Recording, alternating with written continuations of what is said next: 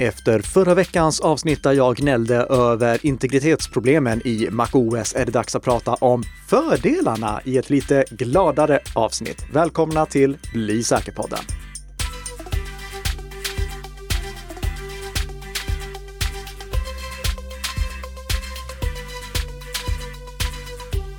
God morgon, god morgon Tess! Nej men god morgon Nicka! Och god morgon alla våra fantastiska lyssnare så här på Black Friday-morgonen. Ja, det är verkligen Black Friday idag ja. Ja. Det har man ju inte missat. Nej, och någonting som jag också har noterat det är att det här är det 96 avsnittet av Bli säker-podden.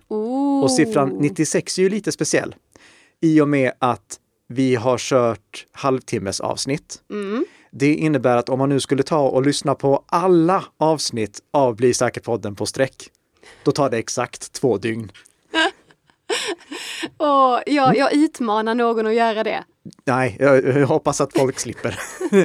Men jätteroligt att ha er med så här 96 avsnitt in i den här säkerhetspodcasten som produceras i samarbete mellan Nika Systems och Bredband2. Vi ska börja med att prata om Black Friday och jag tror att du Tess, du har lite nyheter att dela med dig av. Ja. Antalet falska nätbutiker har ökat kraftigt de senaste veckorna där syftet är att lura av Black Friday-sugna besökares personliga information. Detta enligt statistik från IT-säkerhetsföretaget Mimecast. Gemensamt för sidorna är att de lockar med otroligt bra erbjudande för att få köparnas betalkortsinformation. Och eftersom det är så många legitima företag som går ut med bra erbjudanden eh, i denna perioden också, så är ju denna metoden extra effektiv eftersom det kan vara svårt att skilja på falska och äkta sidor. Så att det här är ju, och vi, jag kommer ihåg förra året så hade vi ett helt avsnitt om just den här typen. Exakt. Och jag funderade på om vi skulle ha det i år igen. Men Mm. jag tänkte att ja, det, ni som vill höra mer om just de här problemen kan lyssna på det avsnittet. Det hette Hög tid för bedragare tror jag. Ja, just Och det. jag lägger med en länk till det i våra show notes. Och när ni lyssnar på det här avsnittet, då finns det nog också ett inslag som jag spelade in i natt med Vaken i P3 och P4. Ja, Där jag pratade om de här sakerna. Alltså, jag ska spela in det i natt, sett från när vi spelar in den här podden och det var i natt när ni lyssnar på den här podden. Jag lägger med en länk till det också om ni vill ha lite korta tips kring vad man ska tänka på så här i eh, ja, starten på julhandeln och Black Friday-handeln. Vi ska ju framför allt se upp de gånger då det är ett stressmoment med, där, där vi eh, stressas att ta förhastade slutsatser. Då ska vi vara på vår vakt. Och tänk på att nu spelar verkligen relevansen angriparna rakt i händerna. För nu kan de skicka ut hur mycket erbjudanden som helst och vi förväntar oss att få massa erbjudanden. Jag skulle framför allt vilja varna för kampanjsajter. Det är någonting som jag tror vi kommer få se många exempel på nu. Att klona en hel sajt tar lite tid. Ja. Och vi vet att bedragare är lata. Ja, absolut. Mm. Så eh, jag- tror att i år kommer vi få se många exempel på kampanjsajter som sätts upp, typ Elgigantens iPhone-sajt som är specifik för ju- just eh, Black Friday. Och det är då inte en riktig sajt jag pratar om, utan en sajt som ser ut att vara uppsatt av Elgiganten eller av eh, Mediamarkt eller någon annan. Men som i själva verket är uppsatt av bedragare för att komma över kreditkortsuppgifter. Mm. Så var försiktiga och om ni får ett riktigt bra erbjudande, gå då själv till den butikens webbplats. Om ni får ett mejl med ett erbjudande, klicka inte på länken utan gå själv till den sajten. Hittar ni inte erbjudandet där, trots att ni loggar in om ni är medlem i deras kundklubb eller någonting sånt, då var det ju bevisligen ett bedrägeri. För ni kan vara lugna. När en, när en eh, butik skickar ut massvis av reklam, då vill de ha köpare. Ja, precis. Så om ni inte hittar det här fantastiska erbjudandet, då kan ni vara 99,9 procent säkra på att det var ett bedrägeri som ni precis lyckades avstyra. Mm. Jag har en till Black Friday-nyhet. Ja. Det är nämligen inte bara sådana här eh, alltså elektronikkedjor och liknande som kommer få sina webbplatser imiterade och använda i bedrägerier. Vi kommer också få se en hel del Postnord-bedrägerier. Ja, och jag tycker redan att man har sett det. Ja, eh, häromdagen så var min eh, branschkollega David Jacoby ute och varnade för att eh, han hade hittat ett riktigt bra exempel på ett sånt här Postnord-bedrägeri. För nu är det inte bara så att vi, vi såg det här i fjol, mm. men nu har vi ju både Black Friday och coronasituationen. Ja. Så bedragarna kan verkligen vara superrelevanta här. Så de kommer troligtvis att ösa ut massa sms och massa mejl där det ser ut att komma från Postnord, men det i själva verket kommer från bedragare. Mm. Och de skriver någonting i stil med att på grund av Eh, coronasituationen har vi begränsat uthämtning. Vi har råkat skicka ditt paket till fel uthämtningsställe, men vi kan skicka det till rätt uthämtningsställe om du betalar den här extra avgiften. Oh, Eller någonting sånt, någonting mm. för att mm. få oss att betala några extra kronor. Och de har ju sådan tur att, alltså bedragarna har sådan tur att vi kommer vara ganska inställda på att det kommer vara några leveransproblem någonstans. Mm. Och, och, och det, det, spelar ingen roll, de, de, kommer troligtvis använda Postnord mest, men de kommer kunna göra det här med egentligen vilken speditör som helst. För vi, vi väntar alla på paket nu. Ja, exakt. Så se upp för Postnord-bedrägerier och eh, andra typer av speditörsbedrägerier under de kommande dagarna, för det kommer komma som ett paket på posten. Ah, snyggt! Förlåt, okej, okay, det, det, var dåligt. Det var dåligt. Nej, det, det var jättebra. Ja. Men du, det, du har ju fler, du har en till Black Friday-grej som du vill ta upp va? Ja, det har mm. jag. För Black Friday har ju gått över till att vara typ en Black Week. Ja. Och jag har överösts med massa erbjudanden redan under den här veckan. Inte minst från massa VPN-tjänster. Det känns som att alla VPN-tjänster i hela världen, nästan i alla fall, har skickat ut Black Friday-erbjudanden. Och jag har ju troligtvis varit extra mottaglig för dem eller varit eh, extra. Jag har varit en av de som har fått flest sådana erbjudanden i och med det jag jobbar med. Ja. Så jag, jag, blev till slut lite trött på alla dessa VPN-erbjudanden, så jag började kolla lite närmare på dem. Och jag hittade två stycken VPN-erbjudanden som alltså var så tragikomiskt pinsamt dåliga. Alltså, jag, jag, jag skämdes och deras vägnar för att det var så dåliga erbjudanden. Oj, men okej, okay, vad var det då? Jo, bland alla de här erbjudandena som jag hittade, det, som för det första, väldigt många erbjudanden gick ut på att man skulle teckna sig i tre eller fem år för att få en bra rabatt. Oj! Gör aldrig det, eh, för mm. ingen vet hur bra en VPN-tjänst är om tre eller fem år. Men när det gäller NordVPN och Surfshark två stycken VPN-tjänster som jag har sågat tidigare. Mm, mm. Då var de verkligen alltså bottenskrap. De använde försäljningsmetoder som vi annars bara ser bedragare använda. Så de ska verkligen ha veckans känga. Det de gjorde, det var att de hade en sån här nedräkningstimer längst upp på sin sida. Men det, tänker jag, det är väl inte så ovanligt egentligen? Nej, det, det, och det är helt okej. Okay. Alltså, ja. Nedräkningstimrar som säger det här erbjudandet är bara giltigt till liksom, om fem dygn, tre mm, timmar och så vidare. Precis. Det är helt okej. Okay. Ja. Det är helt okej. Okay. Ja. Det var inte det som var problemet här. Var problemet, problemet var att de här timrarna som jag skärmdumpade och spelade in eh, min skärm med, av på måndagskvällen. Mm. De slutade gälla på tisdagen. Nej. Jo. Alltså innan det ens har blivit Black Friday. Så och, Black Friday-erbjudandet tog slut på, i tisdags? Ja, enligt nedräkningstimern, yeah. men, men, det var ju bara bluff alltihop. Så det, det räckte med att öppna, eh, i fallet med NordVPN, då räckte det med att öppna i en ny webbläsare så fick man tiden tillbaka. Så det var ju Jaha. bara scam. Mm. Eh, precis samma scammetoder som de har använt för sin lösenordshanterare Nordpass som jag också avråder från. Mm. Och när det gäller Surfshark, då hade de så att varje dygn återställdes den här nedräkningstimern. Så om ni vill så har jag en inspelning där man ser hur fejkat alltihop är. Det ligger aj, aj, i den aj. länkade artikeln. Mm. Och jag, jag vill bara påminna alla om att tänk på om ni använder en VPN-tjänst, då måste ni använda en VPN-tjänst från ett bolag ni litar på. Och det här är, alltså det är så oseriöst att jag blir illamående. Mm. Så, så dåligt och från så stora tjänster också mm. som jag annars hade kunnat tro bättre om. Men nu, det... så nu är det en avrådan här och uh, en känga? Ja, ja, ja avrådan har funnits sedan länge. Mm. Uh, om vi kollar till exempel i uh, New York Times, de hade i sin Wirecutter-sektion, deras tekniksektion, Mm. de hade i fjol ett test av VPN-tjänster. Och NordVPN och eh, Surfshark fick inte ens vara med i det testet för att de inte var tydliga med vem det var som ägde bolagen och vem det var som ledde bolagen. Oj. Så de, de, de har Ja. jag avrådit från länge. Mm. I år då tror jag att NordVPN i alla fall var öppna med vilka det var som låg bakom. Mm, Men de, de vann ju ändå inte. Det, Mullvad vann såklart. Det, ja. och eh, så att inte någon tror något annorlunda. Jag har inget samarbete med Mullvad. Jag betalar själv för min Mullvad-licens. Så när jag rekommenderar dem så är det bara för att de är duktiga. Och det, det är ju så. Om man är duktig, då får man inte en känga i Bli säker-podden, utan då får man gratis reklam. Det är sant. Ja. Ja.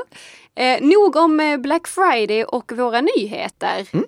Det är dags att prata om nya säkrare Mac OS Big Sur. Ja. Har du uppdaterat den? Eh, det har jag inte. Nej. Och det behöver man ju inte heller göra än. Som, som jag sa i förra avsnittet så kommer Apple fortsätta att underhålla förra versionen MacOS Catalina och versionen dessförinnan MacOS Mojave ett tag till om de gör så som de brukar. Apple brukar ju underhålla de tre senaste versionerna av MacOS. Vad som händer med versionen som är ännu äldre, den som heter MacOS High Sierra, det vet vi inte riktigt än. Men vi, vi får se om de fortsätter att underhålla den också. Och ni kan alltid kolla vilken version av MacOS ni har genom att klicka på äpplet och välja om den här datorn.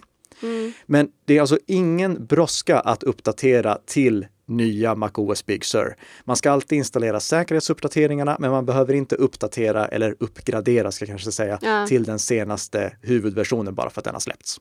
Så ni kan ligga kvar på eh, MacOS Mojave eller MacOS Catalina om ni känner för det. Yes.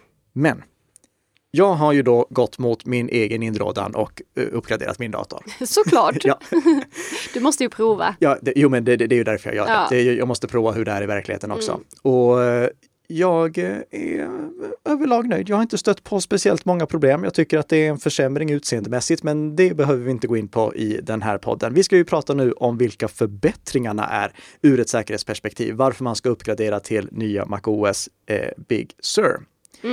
Och den första saken som påverkar oss användare, det är att Apple har eh, nästan strypt helt och hållet stödet för det som kallas kernel extensions. Och vad är det? Det var det sättet som tidigare klientskydd och tredjepartsbrandväggar använde för att eh, kunna utföra sitt jobb. Problemet med kernel extensions, eller vi kan först och främst säga att eh, kernel extensions, det är alltså någonting som bygger ut eller krokar in sig i kärnan av operativsystemet, det absolut mest känsliga. Och det vill vi helst undvika Okej.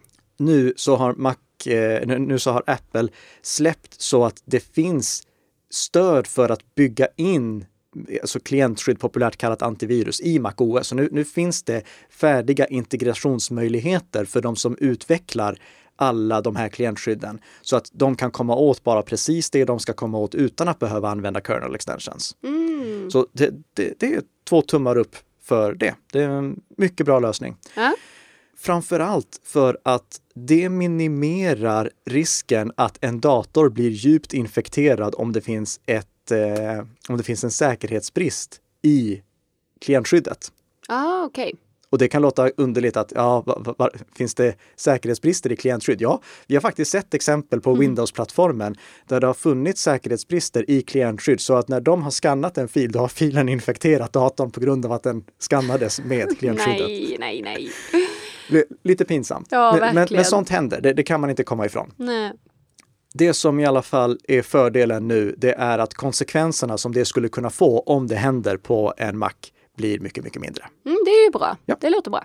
Så det är ett stort steg framåt. Mm. Och det var ju också, det här var en av de sakerna som eh, kritiserades i förra avsnittet. Men kom ihåg, min kritik låg då inte på faktumet att Apple har lanserat den här möjligheten, utan faktumet att de inte själva låter alla sina program gå igenom de här krokarna så att tredjepartsbrandväggar och klientskydd kan inspektera det. Mm. Lyssna på förra avsnittet om ni vill veta mer om det. Men jag ser det som eh, ett bra steg framåt. Och det som är anledningen till att jag lyfter det i den här podden, det är att jag har sett flera klientskydd som inte har varit kompatibla med Big Sur. Alltså som har ställt till problem ifall man har uppdaterat till Big Sur och inte klientskyddet har varit redo för det.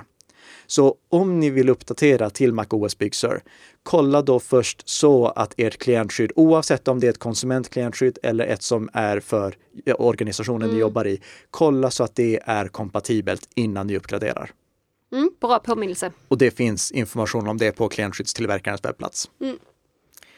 Nästa nyhet, den berör egentligen bara de nya mackarna som har lanserats med Apples egna processorer i. Ja. Som jag vet att du är lite spekulant Jag skiner på. upp här. Jag, ja. jag, är, jag, är, lite sugen på sån ja. ja. de, har ju släppt en ny Mac Mini, en ny Macbook Air och en ny Macbook Pro. Gemensamt för de här, det är att de inte använder vanliga Intel-processorer som Apple har gjort under de senaste drygt 15 åren. Ja. Utan istället använder Apples egna processorer, samma typ av processor egentligen som sitter i en iPhone eller i en iPad. Så det är stor grej det här? Det här är en jättestor mm. grej. Det, jag får ju erkänna att när Apple aviserade det här på utvecklarkonferensen tidigare i somras, då var jag skeptisk. Varför det?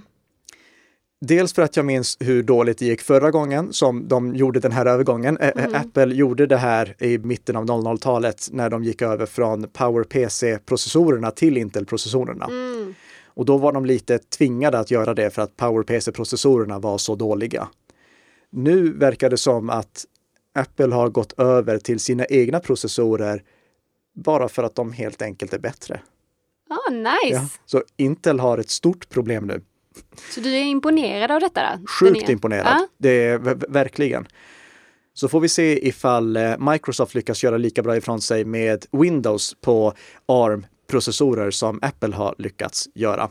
För det stora problemet här är ju att de programmen som är skrivna för Intel-processorer, de fungerar inte rakt upp och ner på den nya processortypen, utan de måste emuleras. Mm -hmm. Och där har Windows än så länge gjort katastrofjobb ifrån sig. Okay. Medan Apple har lyckats göra det här förvånande bra, alltså mycket, mycket bättre än vad jag hade vågat hoppas på överhuvudtaget.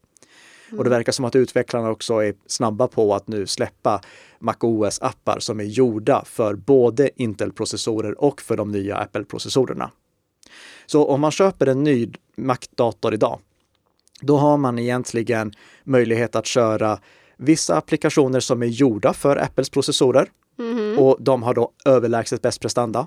Okay. Uh. Och sen kan man också köra de gamla Intel-anpassade programmen mm. via det som kallas Rosetta 2, som är deras emulering för att man ska kunna köra Intel-applikationer. Ah, så det funkar på. fortfarande ändå? Liksom. Precis, det, ah. det, funkar men inte med full prestanda. Mm. Och, och, och, det som jag är, är smått chockad över det är hur otroligt bra prestandan är ändå.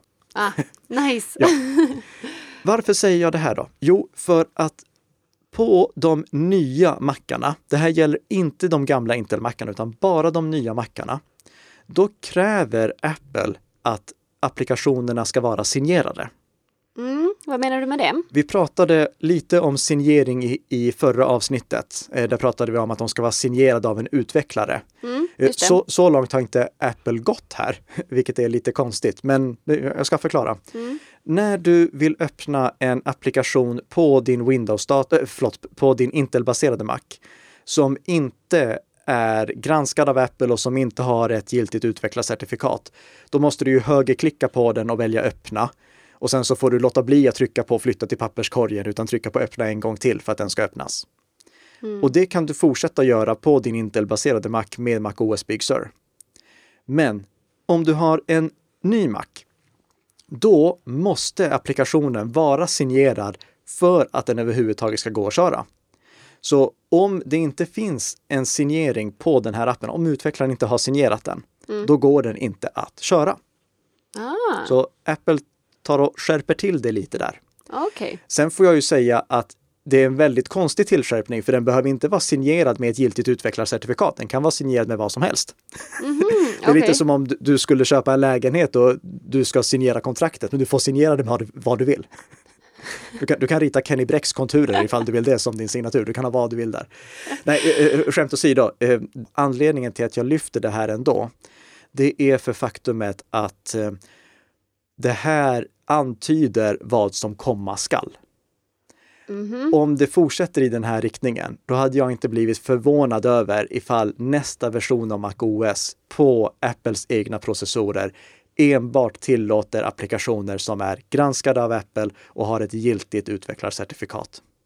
Ja, det låter ju spännande. Ja, så då är det stopp för all tredjepartsutveckling som inte görs av de som har en, eh, en, ett giltigt certifikat från Apple. Och, Och det, det- kostar 99 dollar per år. Ja, okej. Mm. Ja. Så det, det finns en liten förkost, en kostnad som är förknippad med det. Mm. Mm. Eh, Det är alltså inte någonting som sker nu, utan det är bara en antydan om vad som komma skall. Mm. Och det, det är väl det här som Apple är ute efter också. De vill ha full kontroll över sin plattform. Det, det, nu, nu gör de sina egna processorer till sina egna datorer Mm. som kör deras egna operativsystem. ja, verkligen. Så Full insyn där. full kontroll. Ja. Vad har vi fler för nyheter då, Nicke? Ja, sen har vi lite integritetsförbättringar också. För så som det är idag när du installerar en applikation från eh, Mac App Store, Mm. då kan du scrolla längst ner på den sidan som finns för den applikationen och klicka på integritetspolicy. Ja. Då kommer du till utvecklarens sida och så kan du läsa om hur den här appen beter sig ur ett integritetsperspektiv. Mm. Och det kan jag lova dig att det har du aldrig gjort. Nej, jag tänkte precis säga det. Eh, jag hör dig, men eh, har inte gjort det. Nej. Nej, det, det, det gör man inte, för det, det låter jättetråkigt. för att lösa det problemet, för att användarna ändå ska veta vad det är för typ av applikation som de installerar och vad det får för konsekvenser för dem ur ett integritetsperspektiv. Så har Apple nu uppfunnit det som de liknar vid nutrition labels, alltså innehållsdeklarationer som visar på mat vad, vad de innehåller. Ah. Så nu så ska det från och med en kommande uppdatering till MacOS Big Sur. Det finns alltså inte än, men det här är någonting som ska komma till MacOS Big Sur i höst. Så det borde komma väldigt, väldigt snart. Mm. Då ska det finnas på alla applikationer som ligger i Mac App Store information om vad det är för data som den samlar in om användaren och ifall den delar den datan med någon tredjepartsutvecklare. Så till exempel om den samlar in platsposition eller kontaktinformation eller webbläsarhistorik. Allt sånt och hur den informationen hanteras och delas. Det visas med lite tydliga ikoner där det liksom står att den här plockar din plats, den här eh, delar din webbläsarhistorik och liknande. Och den innehållsförteckningen kan man lita på då? Ja, det, det vet jag inte riktigt. För alltså, problemet här är att det är utvecklaren själv som skriver den. Mhm. Så utvecklaren själv kryssar i vad det är som den här applikationen gör. Mm. Och utvecklaren skulle ju kunna ljuga Ja. eller utvecklaren skulle kunna vara omedveten om att information delas. Det har jag sett alltså, många exempel på där utvecklare inte vet egentligen vad som sker under ytan för att de bara plockar in kod från alla möjliga håll och kanter och pusslar ihop det till någonting.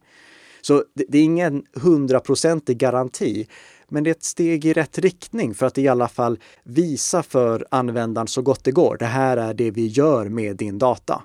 Och om det då är en app som är fullkletad med massa saker som den samlar in och delar, då kanske du blir lite mer skeptisk till att använda den. ja. Skulle det sen vara så att en utvecklare ljuger, alltså missköter sig och låter bli att informera, då kan jag tänka mig att Apple kanske stänger av den utvecklaren eller utesluter dem ur App Store. Mm. Hur stort hot det nu är med tanke på kvaliteten på apparna som finns i App Store. Nej, för, förlåt, det, det blir bättre och bättre. Det, App Store börjar bli bättre. Ja. Det, jag har många appar som jag installerat därigenom. Så ett steg i rätt riktning för, som jag sa inledningsvis här, det är ingen som läser en tråkig integritetspolicy. Det måste vara ett lättare sätt att ta till sig informationen. Mm. Och det här blir ett lättare sätt att ta till sig den informationen. Integritetspolicyn har egentligen bara varit bra på en enda sak och det är att med gott samvete kunna dölja all information som samlas in i och med att man vet att ingen läser den. Någon undrar säkert, okej, men v- varför kan det här inte ske på liksom, eh, programvarunivå? Varför kan inte Apple kontrollera det här, alltså hu- hur information samlas in och delas på samma sätt som eh, de kan styra huruvida en app har åtkomst till ens eh, skärm för att kunna göra skärminspelning och liknande. Mm. Men det är för att en app eh, Apple kan styra vad den gör på själva datorn. Mm. Men om appen har samlat in informationen, då kan ju Apple sen inte styra vad den utvecklaren gör med den. Om informationen har gått till utvecklaren, Ja, då, då vet ju Apple inte sen, okej, vad, vad gör du med den? Slänger Nej, du den? där- Delar du Där den? tappar ju de kontrollen, helt Exakt. klart. Ja. Så det, det här är en lösning för att komma åt det. Och den här informationen kommer också att släppas till, eh, eller den här lösningen kommer också släppas till iPadOS och iOS i höst. Mm. Kul! Sen har vi en förbättring för de som använder iCloud-nyckelringen. Mhm. Använder du den? Eh, nej, Det Gör är- du? Nej, det gör jag Nej. inte. Det, det är ju Apples egen lösenordshanterare. Och jag eh, brukar inte rekommendera att använda den. nej. Det beror inte på att den inte är säker, för jag, jag har inga problem med säkerheten där. Problemet som jag ser med iCloud-nyckelringen, det är att den bara funkar på MacOS och iOS. Den fungerar inte på Windows och den fungerar inte på Android. Mm. Och jag vill inte att man ska bli inlåst i Apples ekosystem genom att man förlitar sig på den. Så för den som ville bli inlåst i Apples ekosystem så är den fortfarande bra? Ja, då kan du absolut använda Ja. den. Eh, Det, det är fortfarande inte den bästa lösenordshanteraren, men eh, det, det, då har jag inga problem med det. Om, om du vill bli inlåst där, så visst gör du det. Men okej, vad har vi då för eh, iCloud-nyckelringen då? Jo, den börjar varna ifall du återanvänder eh, eller ifall du har eh, lösenord som förekommer i lösenordsläckor. Mhm. Så lite så här Have I been pwned inspirerat. Okej, Ja, det, det, det är ju en trevlig grej. Absolut. Och, och det finns redan i Bitwarden som jag rekommenderar som årets lösenordshanterare. Och det finns också i Firefox Lockwise, alltså Firefox inbyggda lösenordshanterare. Och apropå Firefox så har Apple tagit en sak till därifrån Jaså? till sin webbläsare Safari. Aha. För i Firefox då finns ju den här integritetsskölden som man kan klicka på för att se vilka spårare som finns på sidan, alltså ifall det finns annonsnätverk och liknande som spårar en. Mm. Den funktionen har Apple nu också byggt in i Safari. Så nu får man samma skydd där, eller samma information där. Okej, där ser ni, det var ju bra.